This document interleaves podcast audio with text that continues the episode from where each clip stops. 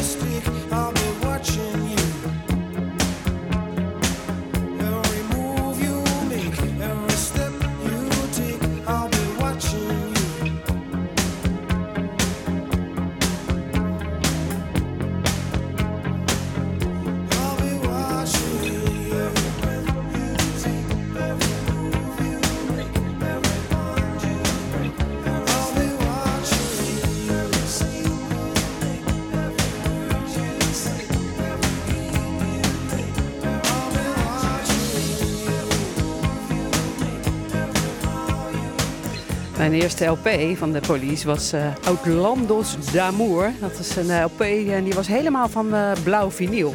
Valt eh, net buiten de 80s en 90s eh, week volgende week eh, bij Rijnmond. Maar Every Breath You Take was wel uit de 80s. Heb jij nou zelf een mooie plaat uit die 80s of 90s die je de komende werkweek graag bij Rijnmond wilt horen? Dan eh, mail je je verzoek met een mooie herinnering erbij naar radio.rijnmond.nl. En misschien hoor je hem dan wel hier bij Radio Rijnmond. De natuurtip van Chris natuurlijk. Volgens de Chinese jaartelling begint morgen het jaar van het konijn. Met het konijn in het wild gaat het niet zo goed. Hij staat op de rode lijst van bedreigde zoogdiersoorten. En als huisdier worden konijnen soms afgedankt. Dan komen ze bijvoorbeeld terecht bij dierenopvang Knaagspoor in Ridderkerk. Daar krijgt Chris, natuurlijk een rondleiding van de beheerder Saskia Burgering.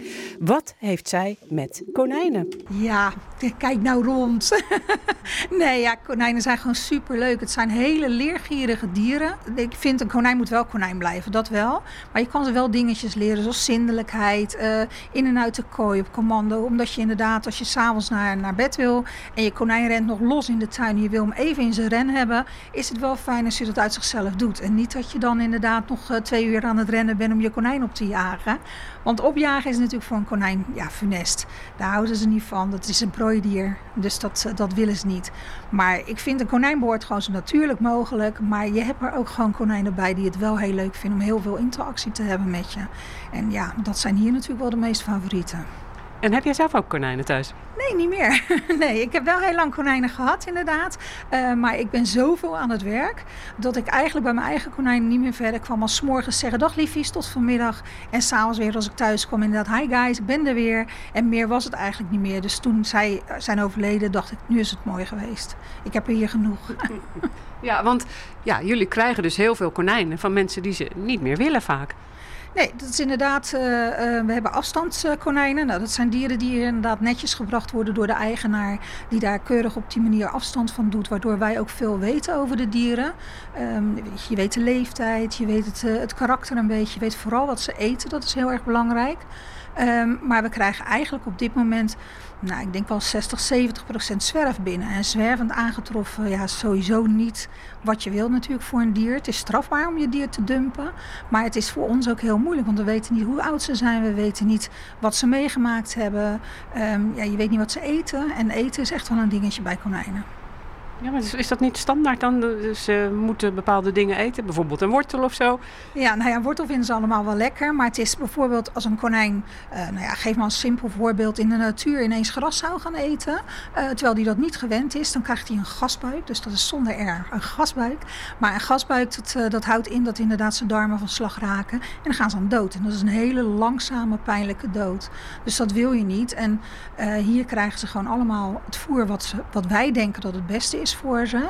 Ehm, maar je weet natuurlijk nooit wat ze gewend zijn. Het knaagspoor vangt eh, zeg maar per jaar zo'n 700, 800 konijnen op. En eh, die verdelen wij in vrouwen- en mannenkant. En dat is omdat inderdaad door de hormonen dan zo min mogelijk onrust eh, komt. En dat, dus nu staan we op de dameskant. Op dit moment zitten er 113. Nou, dat zijn er natuurlijk ook best wel, eh, best wel veel. Gelukkig plaatsen we ook heel veel. Straks als de tuinen weer opgeknapt gaan worden, komen de mensen natuurlijk weer van... Goh, hey, het konijnenhok staat leeg of we gaan juist het konijnenhok neerzetten. En dan gaan ze sneller de deur uit. Nou, daar komen we nog op. We gaan eerst eens even kijken hoe deze konijnen bezig zijn. Hè? Daaronder zit er eentje lekker te knabbelen. Konijnen zijn natuurlijk echt eh, smulpaapjes. Die eh, eten de hele dag een beetje door. Daar moeten ze eigenlijk de hele dag onbeperkt hooi hebben. Kijk, onbeperkt voer is natuurlijk niet de bedoeling, want dan krijgen ze ja, zwaar overgewicht.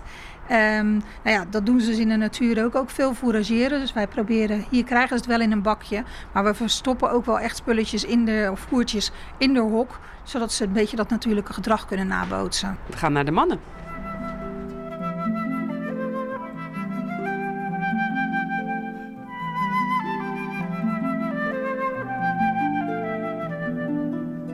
Mannen, nou, eh, herenpad staat hier zelfs. Ja, herenpad, absoluut. Het zijn eh, knappe kerels allemaal. Ehm, je ziet heel vaak verschil inderdaad tussen een mannetjes- en een vrouwtjeskonijn. Eh, de vrouwtjeskonijnen zijn vaak wel wat pittiger. Ik denk een beetje te vergelijken met de mensen. Mannen drinken graag een bier samen en de vrouwen zijn toch net even iets pinniger tegen elkaar. Nou, de konijnenmannen drinken natuurlijk geen bier. En als je ze bij elkaar neerzet, zijn ze inderdaad niet zo leuk samen. Maar naar de mensen toe zijn ze vaak wel wat gezapiger. En eh, ze hebben ook wel de bollere toet, waardoor ze ook wat leuker eruit zien. Ja, wat is deze leuk, hè? Wat een, wat een mooierd. En nieuwsgierig ook. Ja, absoluut. Hangoortjes zijn eh, sowieso favoriet. Is die ergens gevonden? Nou, moet ik echt even kijken. Op het lijstje gaan we even kijken. Ik vind hem echt schattig. En ik kan me voorstellen dat je dan, als je zo'n beestje ziet, dat je denkt, ja, die neem ik mee. Maar ja, daar moet je toch wel een beetje over nadenken. Jazeker, ja. Het is inderdaad eh, mensen die ons eh, benaderen om een, eh, een konijn te adopteren. Uiteraard is de eerste vraag, heb je al een konijn? Want wij plaatsen niet alleen.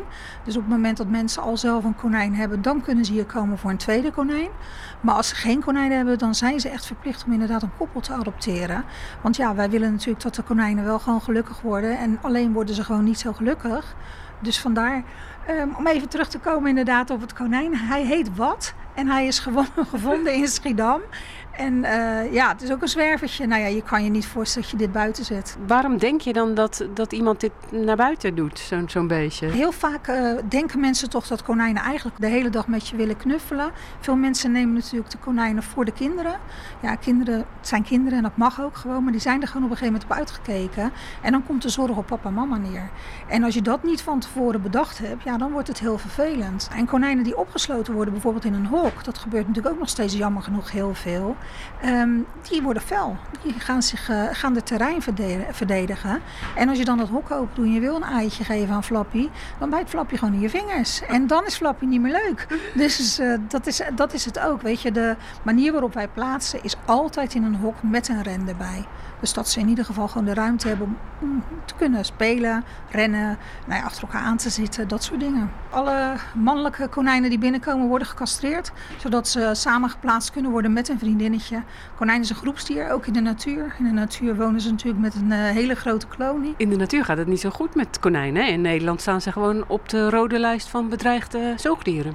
Jazeker, inderdaad. Eh, waar vroeger inderdaad het overschot was, eh, is er door ziekte en ook wel ja, door andere factoren, is de konijn in de natuur heel erg verminderd. Echt, ik geloof met zelfs 70, 80 procent. Ehm, en dat is niet goed, want in de duinen zijn ze gewoon heel belangrijk. Daar grazen ze de korte dingetjes allemaal weg. Die bijvoorbeeld een eh, Schotse hooglander laat staan, die korte stukjes. Die willen alleen maar lekker hoge hapjes. En de konijnen zijn juist belangrijk daarvoor. En ze zijn bezig om inderdaad eh, wilde konijnen terug te plaatsen. Ja, want dat hadden we laatst eh, bij Rijnmond ook in het nieuws. Dat er eh, konijnen uit de haven van, eh, van de Maasvlakte naar Vlieland zijn gegaan. Omdat ze daar wel wat konijnen konden gebruiken. Ja, precies. Eh, ze worden inderdaad ja, ze worden uitgezet. En ook vaak bij sportvelden waar ze dus wel echt ongewenst zijn. Want ja, als je daar aan het voetballen bent en je zakt ineens in een kuil omdat er een, een konijnenhol onder zit. Dat is natuurlijk niet zo goed voor de enkels. Dus daar zijn ze echt ongewenst. En ja, als je ze daar wegvangt en je zou ze dan inderdaad weer in de duinen zetten. Of, dan wordt die populatie wel weer groter. Want dat kunnen ze wel vermeerderen. Ik ga eens even wat eh, eigenschappen noemen van eh, de Chinese horoscoop. Hè, van mensen die vallen onder het jaar van het konijn. Nou, bijvoorbeeld eh, staat hier, ze zijn terughoudend, conservatief, hartelijk, goed gehumeurd. Ze vermijden conflicten. Het zijn vredestichters. Ze streven naar een veilig bestaan. Nou, zijn er eigenschappen bij waarvan je denkt, oh, dit slaat ook wel op het konijn? Ja, absoluut. Ik bedoel, veiligheid is natuurlijk... eh, kijk, een konijn is een prooidier. Dus je bent altijd de sjaak als je gepakt wordt. Dan word je of gegeten of je wordt in ieder geval ja, vermoord door een roofdier. Dus veiligheid is, is iets wat natuurlijk altijd overeenkomt. Sowieso dus die terughoudendheid ook. Want ja, wij kunnen zo'n hok wel open doen. Maar het konijn weet niet van tevoren wat wij met hem komen doen. Eh, dat is ook een dingetje waar je heel hard aan moet werken om het vertrouwen te winnen van een konijn. En geen onverwachte bewegingen te maken. Want dan denkt hij weer, ik word gegrepen. Dus dat zijn echt wel dingen, ehm, ja, dat, dat echt overeenkomt, zeker wel. Ja.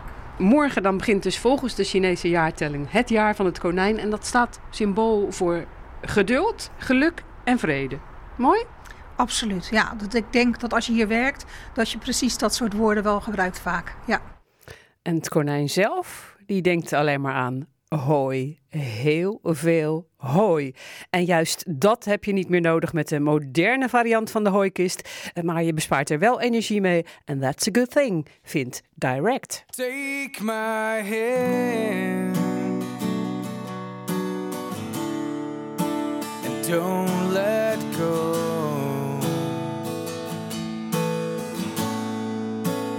Promise I'll guide you the way back home. I would walk a million miles just to be with you again. It's a good thing you're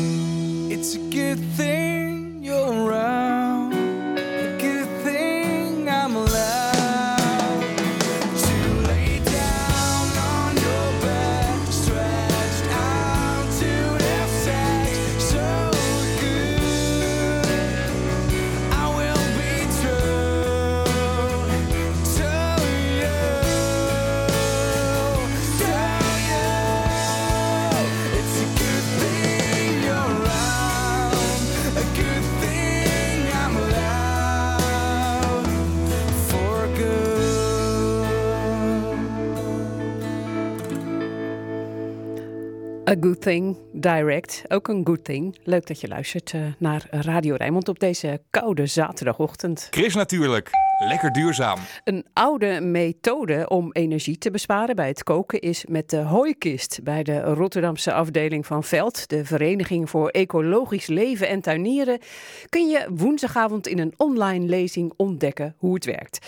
In de Wereldwinkel in Rotterdam blikt Chris natuurlijk vooruit met Sabina van der Spek van Veld en met Caroline van der Stokker van de Wereldwinkel Rotterdam Centrum. Voor de moderne variant van een hooikist heb je geen hooi nodig. Nee, dat klopt. Je hoeft niet een hele grote kist eh, in je huis te hebben en ook geen hooi of eh, oude dekens eh, bij de hand te hebben. Nee, klopt. Maar ken jij het principe van die oude hooikist van vroeger? Ik ken het vooral uit verhalen.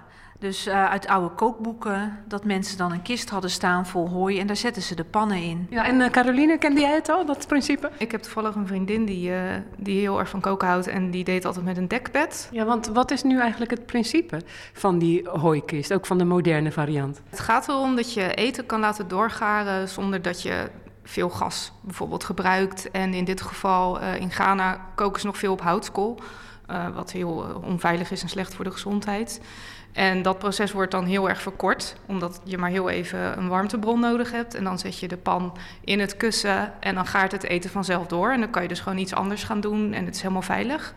En het is eh, goed voor het behoud van vitamines en de smaak. En dat, is, dat geldt dus ook allemaal voor de, voor de mensen hier. eh, die vitamines die blijven ook hier eh, zitten. Ja, nee, dat klopt. Langzaam. en- en- maar zou je het dan bijvoorbeeld eh, s ochtends eh, op kunnen zetten en dan eh, s s'avonds als je thuis komt is je eten klaar? Als je geluk hebt. eh, ligt, aan je, ligt natuurlijk aan wat je maakt. En daarom gaan we daar in die workshop ook verder strakjes nog op in. Bijvoorbeeld bij een soep kan je hem wel s ochtends lekker laten doorgaren. Maar s'avonds wil je toch wel warme soep eten. Dus je moet s'avonds wel nog even warm maken. Dus je doet er een laagje water in, geloof ik, en dan het eten erbij. Ja, klopt. Je zet eh, de pan eerst op het, op het vuur met minder water dan je normaal zou gebruiken. En dan laat je het heel even koken en dan zet je het, de pan in de cooking bag. En dan eh, ja, verdwijnt het water gewoon uiteindelijk. En dan is het, is het eten gewoon gaar. En dan kan je het, het schijnt, soms blijft het wel acht uur warm nog in de cooking bag. Want jij noemt het cooking bag en die ligt hier eh, voor ons. Het is echt een, een prachtig, ja, het lijkt wel een poef of zo. Ja, dat klopt. Eh, je kan hem ook als poef gebruiken. Eh, deze worden in eh, Ghana gemaakt door de stichting Zwumaye van eh, ja, lokale stoffen en gevuld met kapok van de lokale boeren daar. In plaats van hooi. Ja, in plaats van hooi. Ja, je kan het ook eh, met andere dingen vullen, maar daar is de kapok eh, voor handig en dat creëert weer werk en mogelijkheden voor de mensen daar. Ze zijn eigenlijk begonnen met produceren voor, hun, eh, voor hunzelf, omdat het, zo- zodat ze dus niet meer met houtskool hoefden te koken. En ook om de, de, boeren daar te steunen en voor de vrouwenemancipatie. En eh, degene die het heeft opgericht, Ellen Selden thuis, die vond het ook wel wat voor de Nederlandse markt. Dus nu hebben ze ook nog de winst daarvan erbij, zeg maar.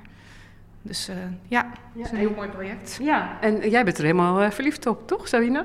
Ja, ik ben helemaal dol op dit soort Afrikaanse stoffen van, die, van dat batik print. Ja, als ik dat zie, dan word ik zo gelukkig. Het is net of je de zon in huis eh, haalt. Ik heb alleen thuis een verbod om allerlei nieuwe spullen te kopen. Maar anders eh, nam ik er direct eentje mee. Ja.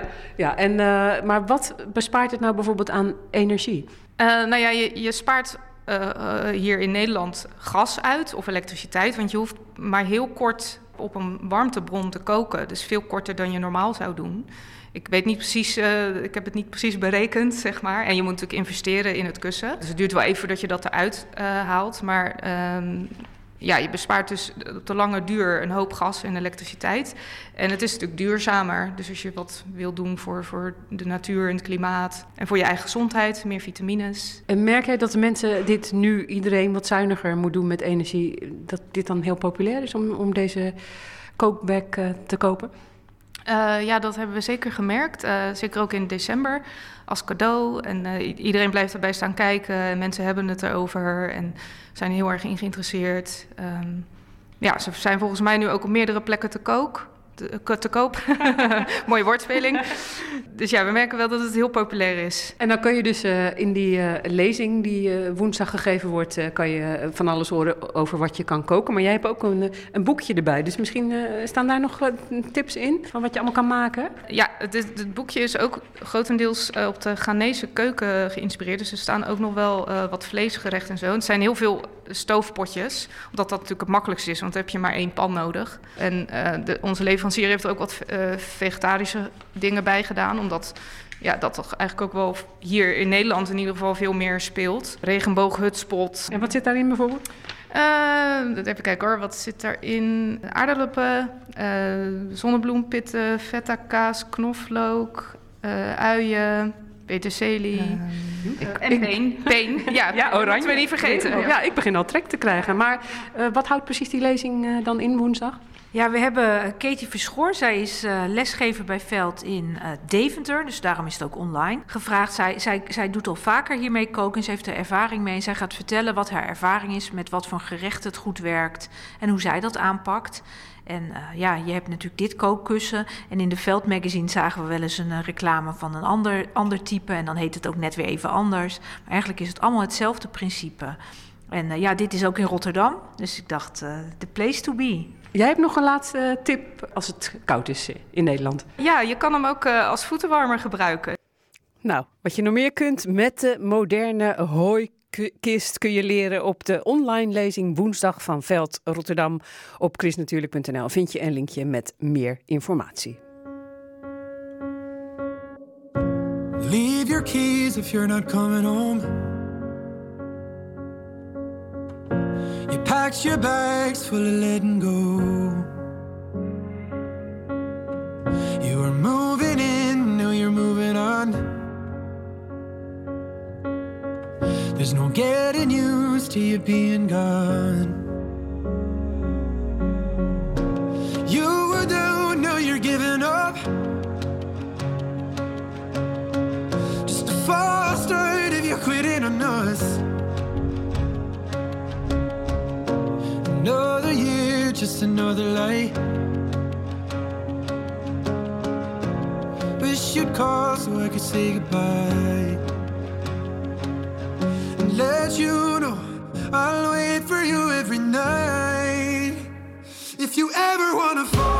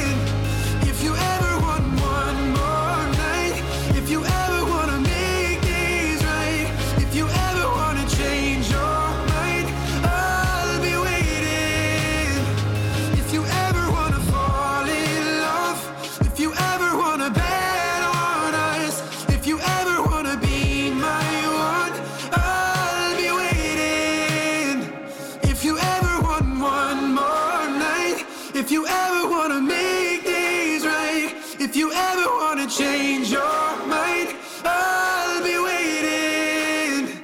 I'll be waiting. Sian Cudro stond er eh, op mijn eh, muzieklijstje. Ik dacht eens even kijken wie dat dan eh, is. Eh, blijkt het eh, Sian Ducro te zijn. Nou ja, ik weet niet precies hoe je het uitspreekt. maar hij komt eh, uit eh, Ierland en is een eh, singer-songwriter. Chris Natuurlijk.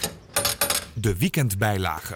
Wat staat er in de weekendkranten en online over groen, natuur en milieu? Je hoort het in het overzicht. Dat lees ik vandaag samen met Martin van der Boogaard. Gezellig, Martin. Goedemorgen. Jij leest het eerste eh, bericht. Chris. Ja, eh, we moeten voorzichtig zijn met eh pindaslingers voor vogels. Dat zegt de vogeldierenarts Jan Hooimeijer in, eh, in Trouw.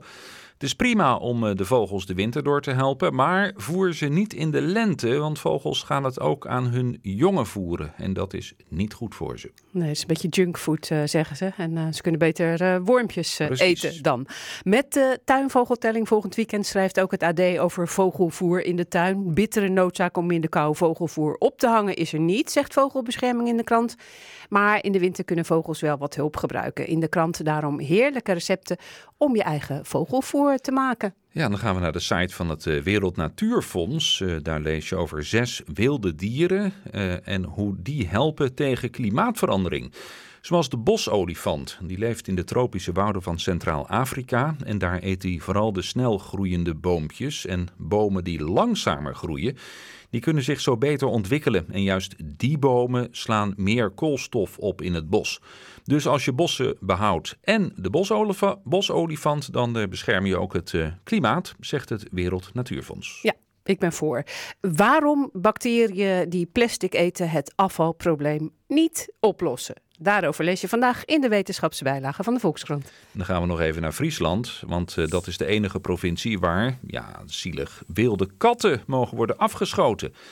Jager Titus Simonsma, nou dat klinkt wel heel Fries, die, eh, die doet dat ook omdat hij de weidevogels wil beschermen. Dat is dan wel weer goed. Maar hij schiet nooit op zaterdag, want ja, je wilt de mensen niet chockeren, zegt eh, de jager in eh, Trouw. En dan vraag ik me af, schiet hij wel op zondag? Want er zitten, Dat, ja, dat, zal, in de dat hoeft hij er niet eens bij te Nee. zeggen, denk ik. Dat zal inderdaad niet, eh, Martin. Dankjewel, eh Martin van der Boogaard, met het groene nieuws uit de weekendkranten en daarbuiten. Gaan we door met het eh, weerbericht. Dat komt van Stefan van der Gijzen. Stefan, goedemorgen. Chris, een hele goede morgen. Hi. Ja, we willen Hallo. natuurlijk alles weten over het weer morgen in de Kuip om half drie. Maar eerst Ja. het weer van vandaag. Telt ook mee, toch? Nou, zeker. En dat ziet er best wel goed uit. Want eh, vandaag eindelijk weer eens een droge dag in de regio na alle nattigheid van gisteren. Waarbij er op veel plaatsen weer 10 tot 15 mm aan neerslag viel. In deze toch al kletsnatte maand. Want eh, ja, op Rotterdam Airport zitten we al boven de 150 mm.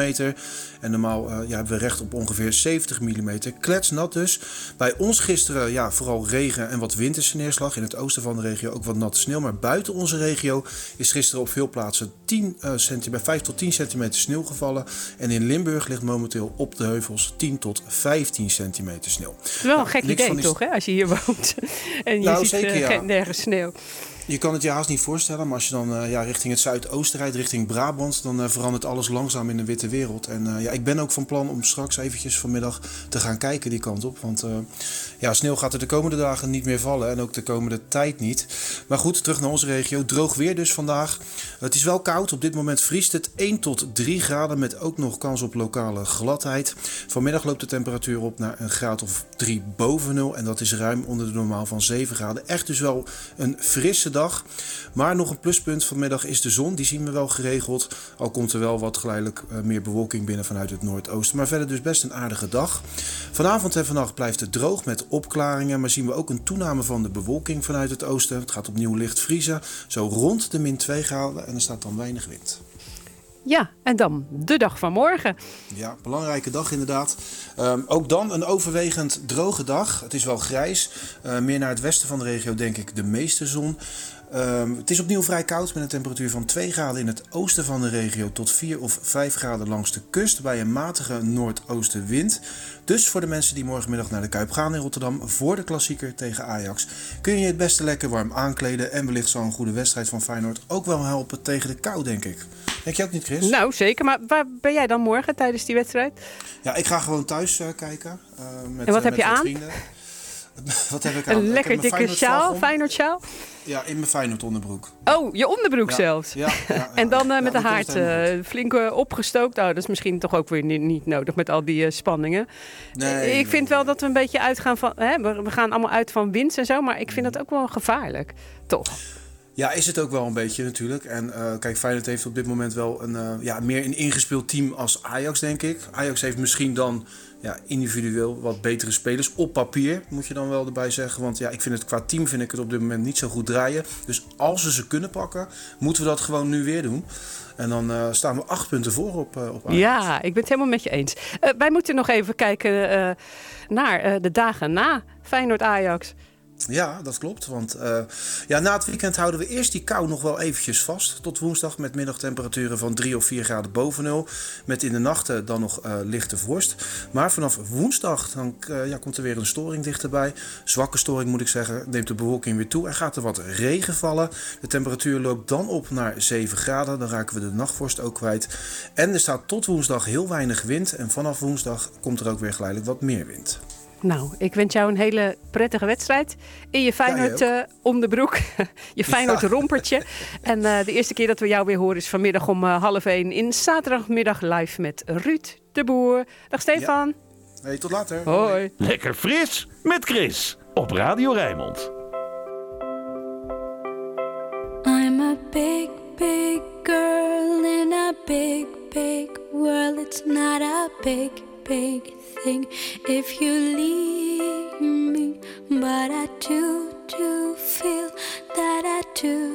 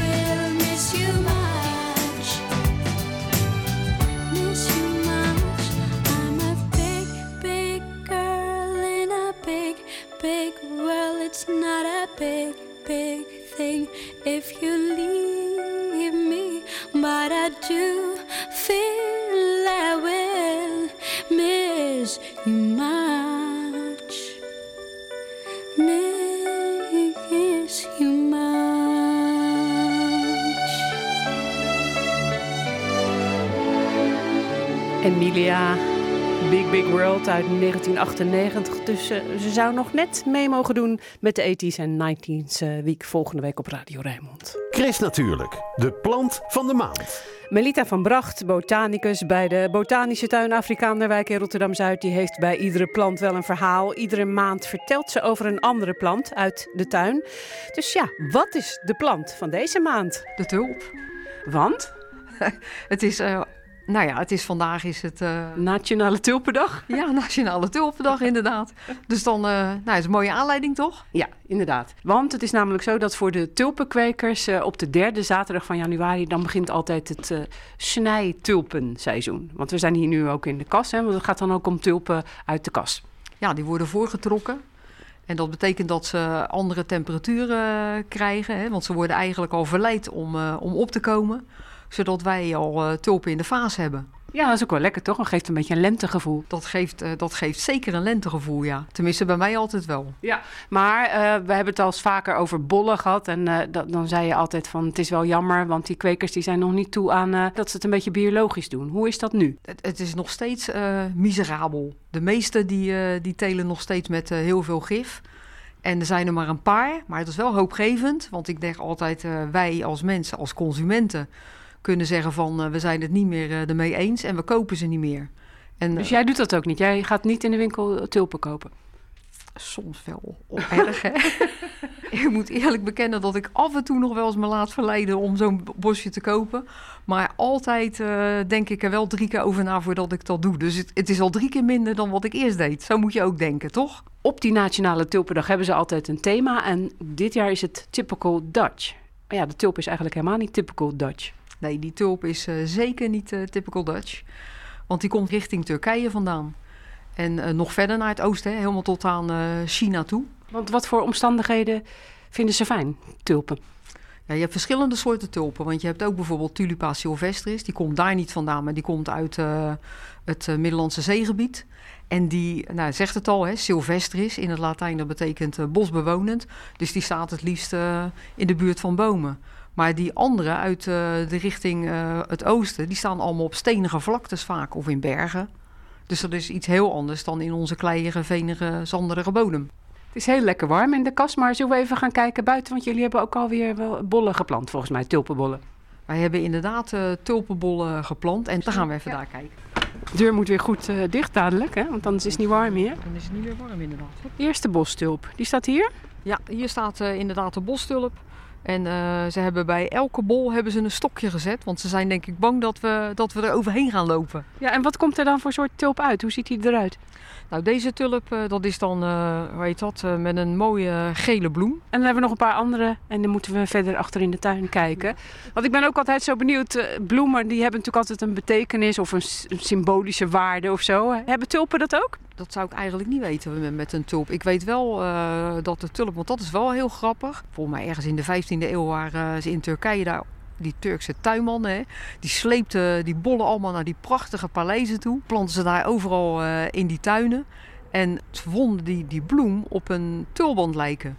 En daarom hebben ze hem tulipan gedoopt. Maar ja, dat wordt natuurlijk in Nederland, eh, die stomme Nederlanders, die hebben het verbasterd tot de tulp. Ja, zo stom zijn die Nederlanders niet. Want ja, wij hebben het nou eh, allemaal overgenomen. Nu is het ineens een Hollandse tulp geworden, toch? Dat is, dat, is, dat is zeker waar, want wij hebben er genoeg aan verdiend. En Carolus Clusius, een van de grondleggers van de botanische tuin in Leiden, hij zorgde ervoor dat, dat je wist hoe je die tulp kon kweken. En de 17e eeuw, dat is alweer een stukje verder, in de VOC zullen we maar zeggen, daar zijn ze echt eh, begonnen. Een tulp die hoe meer eh, mooie strepen die had in zijn bloem, des te meer geld je ervoor eh, kon vragen. Ja, je koopt eigenlijk een belofte. Je koopt een bol. Dus eigenlijk weet je niet wat je koopt. Nou, als je rijk was, weet je wel, tegenwoordig dan eh, doe je een Rolex om. Of je koopt een Porsche of een Ferrari. Of om te laten zien dat je lekker veel, eh, dat je goed in de slappe was zit. Maar toen deden ze tulpenbollen kopen, want daar kon je mee showen. En laten zien van, kijk eens, ik sterf van de poen. En zo'n tulpenbol, moet je je voorstellen, die was evenveel waard als een grachtenpand in Amsterdam. Dus kan je nagaan eh, wat het is. Maar ja, je snapt het al. Dat werd natuurlijk verhandeld op papier. En eh, dat bleek een eh, grote een soort beurskracht, hè, een bubbel te zijn. Die, die dingen waren gewoon ook hartstikke ziek, want die strepen erop, dat bleek een virus te zijn. Dus nou ja, uiteindelijk kocht je helemaal een, verzwakt, een verzwakt iets waar je niks meer aan had. Dat debakel heeft ook een kunstenaar geïnspireerd toen in de tijd. Ja, dat was eh, Jan Breugel eh, de Jonge. Als je dat googelt, dan kan je dat schilderij zien. En dan eh, zie je de gekte van eigenlijk de mens. En die is dan afgebeeld in allerlei, natuurlijk symbolisch, allerlei dieren. Van zeg maar de wolf en de aap en weet ik het allemaal. Nou ja, je moet gewoon kijken. En nu zijn we bij de tulp aangekomen die jullie hier geplant hebben. Dit zijn de, de, de soorten die ze in de natuur vinden. Dus hier is niet mee, ge- mee gekweekt. Deze kan je zo, eh, hoe heet dat, nog steeds vinden in de bergen van, eh, van Turkije bijvoorbeeld. Nou, van deze hadden ze iets van, van, eh, van, tw- van 20, dus dat is niet zoveel. Maar door de hele tuin hebben we al allerlei eh, soorten bollen geplant. En dat doen we nu natuurlijk niet alleen om te laten, laten zien hè, en dat het, dat het er gezellig uitziet. Maar dat doen we ook voor de wilde bijen. Je zou wel weer denken, daar heb je ze weer met die wilde bijen. Maar eh, dat is juist de bedoeling. Die beesten die hebben ook in het vroege voorjaar eh, eten nodig. Die tulpen, er komt dan bijvoorbeeld, weet ik het, eh, vosje erop af. Dat is een bijtje. Of een zagenbij, die komt er ook op af. En wij kopen dan de bol die dan zonder gif geproduceerd wordt. Oh, dus daar kunnen we eigenlijk met een gerust hart dan ook een bosje van mee naar huis nemen. Daar kan je wel een, eh, een eh, bosje van mee naar huis nemen. En je kan hier ook eh, rustig de bijen op laten vliegen. Zonder dat ze, hè, want nou ja, ik zeg altijd maar dat gif. Hè, dan denk ik altijd aan de beker van so Socrates. Nou, met hem liep het ook niet go- goed af. Dus als we die beesten eigenlijk aan die gifbeker zetten, dan loopt het met hen ook niet goed af. Dat moeten we niet willen. Nee, vind ik ook niet. Eh, wil je een plaatje van het schilderij Satire op de tulpengek te zien? Het schilderij van Jan Breugel, de jongen waar Melita het over had, eh, kan je eventjes kijken op de site chrisnatuurlijk.nl. En eh, eigenlijk had ik Simply Red klaarstaan om nu te laten horen. Maar er staat een betere plaat klaar. voor het onderwerp wat we straks hebben. Ik kom weer thuis, heet deze plaat. ik kom weer thuis. Mis het Nederland van Johan Cruijff. Op elke plek waar ik de weg niet ken, mis ik moeten staan in een te volle tram. Zoek al te lang naar geluk, maar voelt toch anders zonder grijze lucht. Het is niet perfect, misschien verre van, maar ooit kom ik weer thuis in Nederland. Zet het morgen in de krant. Ik mis alle straten van Eindhoven, Groningen en Rotterdam. Waar te veel naar elkaar gekeken wordt. Ze schuilen tot de bui weer stopt. Hier drinken ze geen koffie in een koffieshop. Waar iedereen een mening heeft. Te veel in het verleden leeft. Alleen maar als het uitkomt, is er plek voor iedereen. Clarence is een jongensheld. Frankie speelt zijn beste spel. Het wil je met in elke wijk een voetbalveld. En ik weet niet wat de tijd geeft. Want de toekomst is van mij nu zonder twijfel. Ben ik weg, dan heb ik heimwee. Toch weer heimwee. Kom weer terug, ik kom weer thuis. Ik mis de regen op mijn achteruit. Ik mis naar Jeep en naar de Febo gaan. Ik mis 's avonds uren in de file staan. Nu is de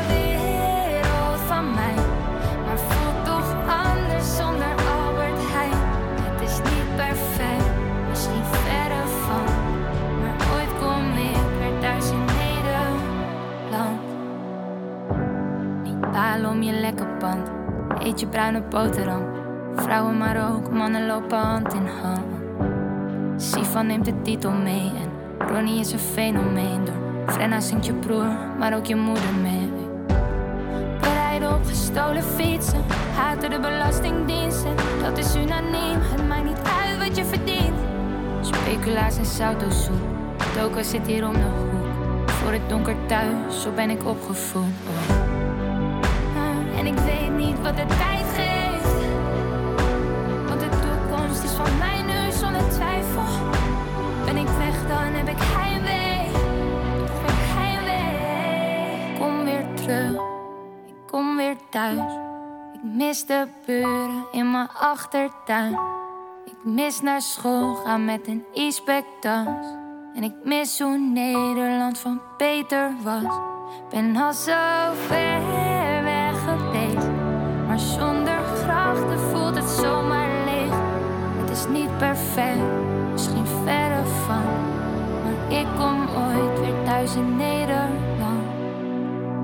Het is een soort eh, de nieuwe 15 miljoen eh, mensen van eh, 2023. Isabel Usher was dat. Chris natuurlijk. Lekker lezen. Hoe is het om op te groeien in Spijkenissen in de jaren 70 en 80 van de vorige eeuw? Dat lees je in Ontbranden, de tweede roman van Walter Doornstedt. De uitgever noemt het boek een portret van een verloren generatie in het Botlekgebied. En de schrijver is hier om over dit boek te vertellen. Walter Doornstedt, goedemorgen. Welkom bij eh, Rijnmond. De eerste zin van een roman is altijd heel belangrijk, zeggen ze. En eh, jouw eerste zin, jouw boek begint met de geur van de botlek. Hoe ruikt de botlek dan volgens jou? Nou, volgens mijn roman ehm, ja, ruikt het een beetje zoet en eh, ja, met een, ja, met een soort notige, Notige geur. notige geur daarin. En, eh, een beetje smerig ook wel. Heb je het wel eens eh, met andere mensen erover eh, gehad? eh, hoe het ruikt? Is het echt een geur die mensen uit de buurt herkennen? Ja, het valt vooral op als je er een tijd niet geweest bent. Dus als je terugrijdt ja, vanuit Frankrijk of uit Amsterdam. En ja, je gaat de Benelux-tunnel door en je slaat rechtsaf. Dan eh, komt die geur je tegemoet. En dan voel je je ook eigenlijk meteen weer thuis. Als je Ja. er een tijd niet geweest bent. Ja, en maar je hebt het in de roman ook bijvoorbeeld over eh, een soort zoomen. Een constant zoomen als je, als je daar woont. Daar zou ik helemaal gek van worden. Ja, er is een soort grondtoon. Een soort, eh, ja, een soort sonor gebrom. En dat is altijd als een soort soundtrack op de achtergrond aanwezig. Ja, maakt van alles iets eh positiefs. Hè? Maar dat, is dus als je dan in eh Spijkenisse woont en dat geluid eh, van de industrie hoort. Spijkenisse en de Botlek lees je eigenlijk helemaal niet vaak over in een roman. Waarom koos jij voor dat decor? Dat was eigenlijk een heel makkelijke keuze. Ehm, ik wilde schrijven over groeien. over hoeveel kracht en energie heeft een mens eigenlijk in zichzelf. En wat betekent het om je ergens thuis te voelen? Dus dat waren de thema's eh, die ik wilde aanroeren. En eh, het beste kan je dan eigenlijk beginnen ja, bij je eigen thuis. Ja, Of en, als, eh, ja, als dat nog als thuis voelt. Ja, maar het voelt toch nog steeds, want je bent, je hebt zelf ben je geboren in Spijkenisse, daarna een tijdje in Rotterdam heb je gewoond, maar je bent toch weer terug. Dus dan neem Ja. aan dat je dan- je wel thuis voelt daar. Jazeker, ja, je kan het ook zien als een zwaktebod. Hè, dat je niet kan aarden in Rotterdam of elders op de wereld. En dat je dan weer terugkeert op je schreden. Ehm, maar het is een prima plek om te wonen. Dat wordt er wel een beetje onderschat. Want ja, Spijkenisse komt meestal heel negatief in het nieuws. Hè. Als er ergens een drugspand wordt opgerold of ergens een steekpartij is, dan, eh, dan, Dan is het Spijkenisse. dan is het Spike Spijkenisse, City. ja. Ja, ja. maar eh, nou wordt het boek volgende week ook gepresenteerd in Spijkenisse. Ja. hè? Het is met een financiële bijdrage van de gemeente Nissewaard tot stand gekomen. Wat denk jij, is ontbranden dan reclame voor Spijkenisse? Ontbranden wil geen reclame zijn, maar het geeft wel een mooi portret van een, van een klein dorp dat wil uitgroeien tot, eh, tot een volwaardige stad. Wat overigens ook de opdracht was van die minister, eh, heel lang geleden, in de jaren zestig. Eh, ja, er werden gewoon een aantal groeigemeenten werden er eh, in Nederland aangewezen. Spijkenisse was daar één van. Ook om de overloop vanuit Rotterdam ja, te kunnen opvangen. Dus, dus, dus dat. Ja, ja. en Guus Maler, die hoofdpersoon uit jouw boek, die leidt een succesvol bestaan in Amerika. Eh, hij is eh, maker, ontwerper van computerspelletjes. En voor het eerst in tien jaar keert hij dan terug naar Spijkenisse om het huis van zijn overleden ouders leeg te ruimen. En herinneringen die brengen hem dan eh, terug in de tijd dat hij zelf nog in Spijkenisse woonde. En eh, ja, dat was toen een, dus een groeiplek. En in het boek reis je met die hoofdpersoon ook mee langs plekken uit zijn jeugd. Bijvoorbeeld hè, de middelbare school waar hij op heeft gezeten. De discotheek waar hij uitging. Ja. En net als jij woonde Guus als kind in de Marrewijk flat. Is dat een begrip in Spijkenisse? Ja, ik vrees van wel. Eh, het is eigenlijk eh, ja, wat Spijkenisse een beetje veranderde in de Bijlmer in de jaren... ja, het is gebouwd in 1969, voltooid. En toen, eh, ja, begin jaren 70, kwam er een hele vloed van mensen die, die daar moesten gaan wonen... om die 100.000 eh, te halen die we nodig hadden om de metro naar Spijkenisse te halen. Ja. Dus eh, ja, en dat was best wel een invasieve beweging. Want eh, ja, het was een dorp van een paar duizend zielen. En eh, het, het stroomde vol met ja, allerlei vreemde vogels en mensen vanuit Krooswijk en elders. Uit Spijkenisse ook, die daar naartoe verhuisden. Ja, en eh, veel mensen uit Spijkenisse die werkten in de Botlek. Hè? Ook de vader van de hoofdpersoon Ja. en de hoofdpersoon zelf. Die heeft daar eh, zijn eerste baantje bij Esso. Ja. En eh, dan op de fiets naar het werk. Zo'n fietstocht beschrijf je ook in het boek. Zou je ons een beetje mee kunnen nemen naar wat die hoofdpersoon eh, op de fiets doet? Ja, wat er gebeurt in de roman is eh, ja, dat de held van het verhaal, Guus Maler, eh, die komt naar huis toe. Wat ooit zijn huis was, om dat dan op te gaan ruimen. Dat is een hele trieste taak. Hij moet dat huis ook gaan opleveren. Ehm, en vervolgens, om een beetje ja, van de jetlag af te komen, ja, besluit hij een stukje te gaan fietsen. En hij betrapt zich erop dat hij dan eigenlijk dezelfde route fietste die hij vroeger ook fietste. En dat brengt hem inderdaad naar het parkeerterrein van Esso. Maar het is meer dan zomaar een fietsrit. Hè. Het is echt een soort rituele rondgang. Zo eigenlijk is alles in mijn boek een soort bezwering eh, van het gevoel je nergens thuis te kunnen voelen. En, en dat is eigenlijk ja, zeg maar de diepere laag. Dan hoeven we daar niet meteen in te gaan. Eh, nou ja, misschien eh, wel, want, ja. want het wordt eigenlijk maar tussen neus en lippen doorgezegd. Maar die hoofdpersoon die is van in Indo-afkomst. Ja. Ehm, en- Indo-Europees of Nederlands-Indisch wordt dat wel genoemd. Ja. Ja, precies. En ja, misschien voelt hij zich daarom ook wel buitengesloten. Nou, wat, wat de laatste tijd heel erg ja, trendy is eigenlijk... en ook de jongste generatie schrijvers, zoals Malou Holshuizen... eh, ja, schrijft over transgenerationeel trauma. En eh, dat heb ik natuurlijk ja, niet zo, heb ik niet zo benoemd. En ik ben ook wat ouder dan Malou. Ehm, maar er is zeker sprake van een hele groep mensen... die vanuit hun voormalige thuis zijn verdreven om hier te landen... Eh, en zelf hun weg moesten zoeken. Kijk, in de jaren 50, eind jaren 40 waren er geen COA's en waren er geen opvanglocaties. Ehm, en die mensen moesten hun eigen weg zoeken. En wat heel vreemd is, is dat er daarna is er ook een soort diaspora ontstaan van mensen uit voormalig Nederlands-Indië die zich hier niet thuis voelden, want die waren hier helemaal niet welkom. Die werden ook niet welkom geheten. En die, eh, ja, die hebben vleugels uitgeslagen overal in de wereld. En dat is eigenlijk ook wat er met Guus Mahler gebeurt. Guus gaat naar Amerika toe om daar een nieuwe carrière te zoeken.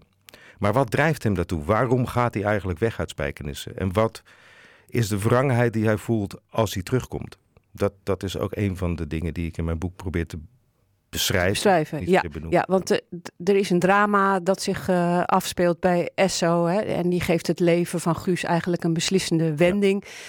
Ja, eh, daar moeten we niet te veel over vertellen. Dan moet je gewoon het eh, boek verder eh, lezen. Maar ja, de roman, of de uitgever die zei van... dit is een verloren generatie uit het Botlek-gebied... hè, waarover dit boek gaat. Maar ja, jij hebt toch aardig ver geschopt als schrijver.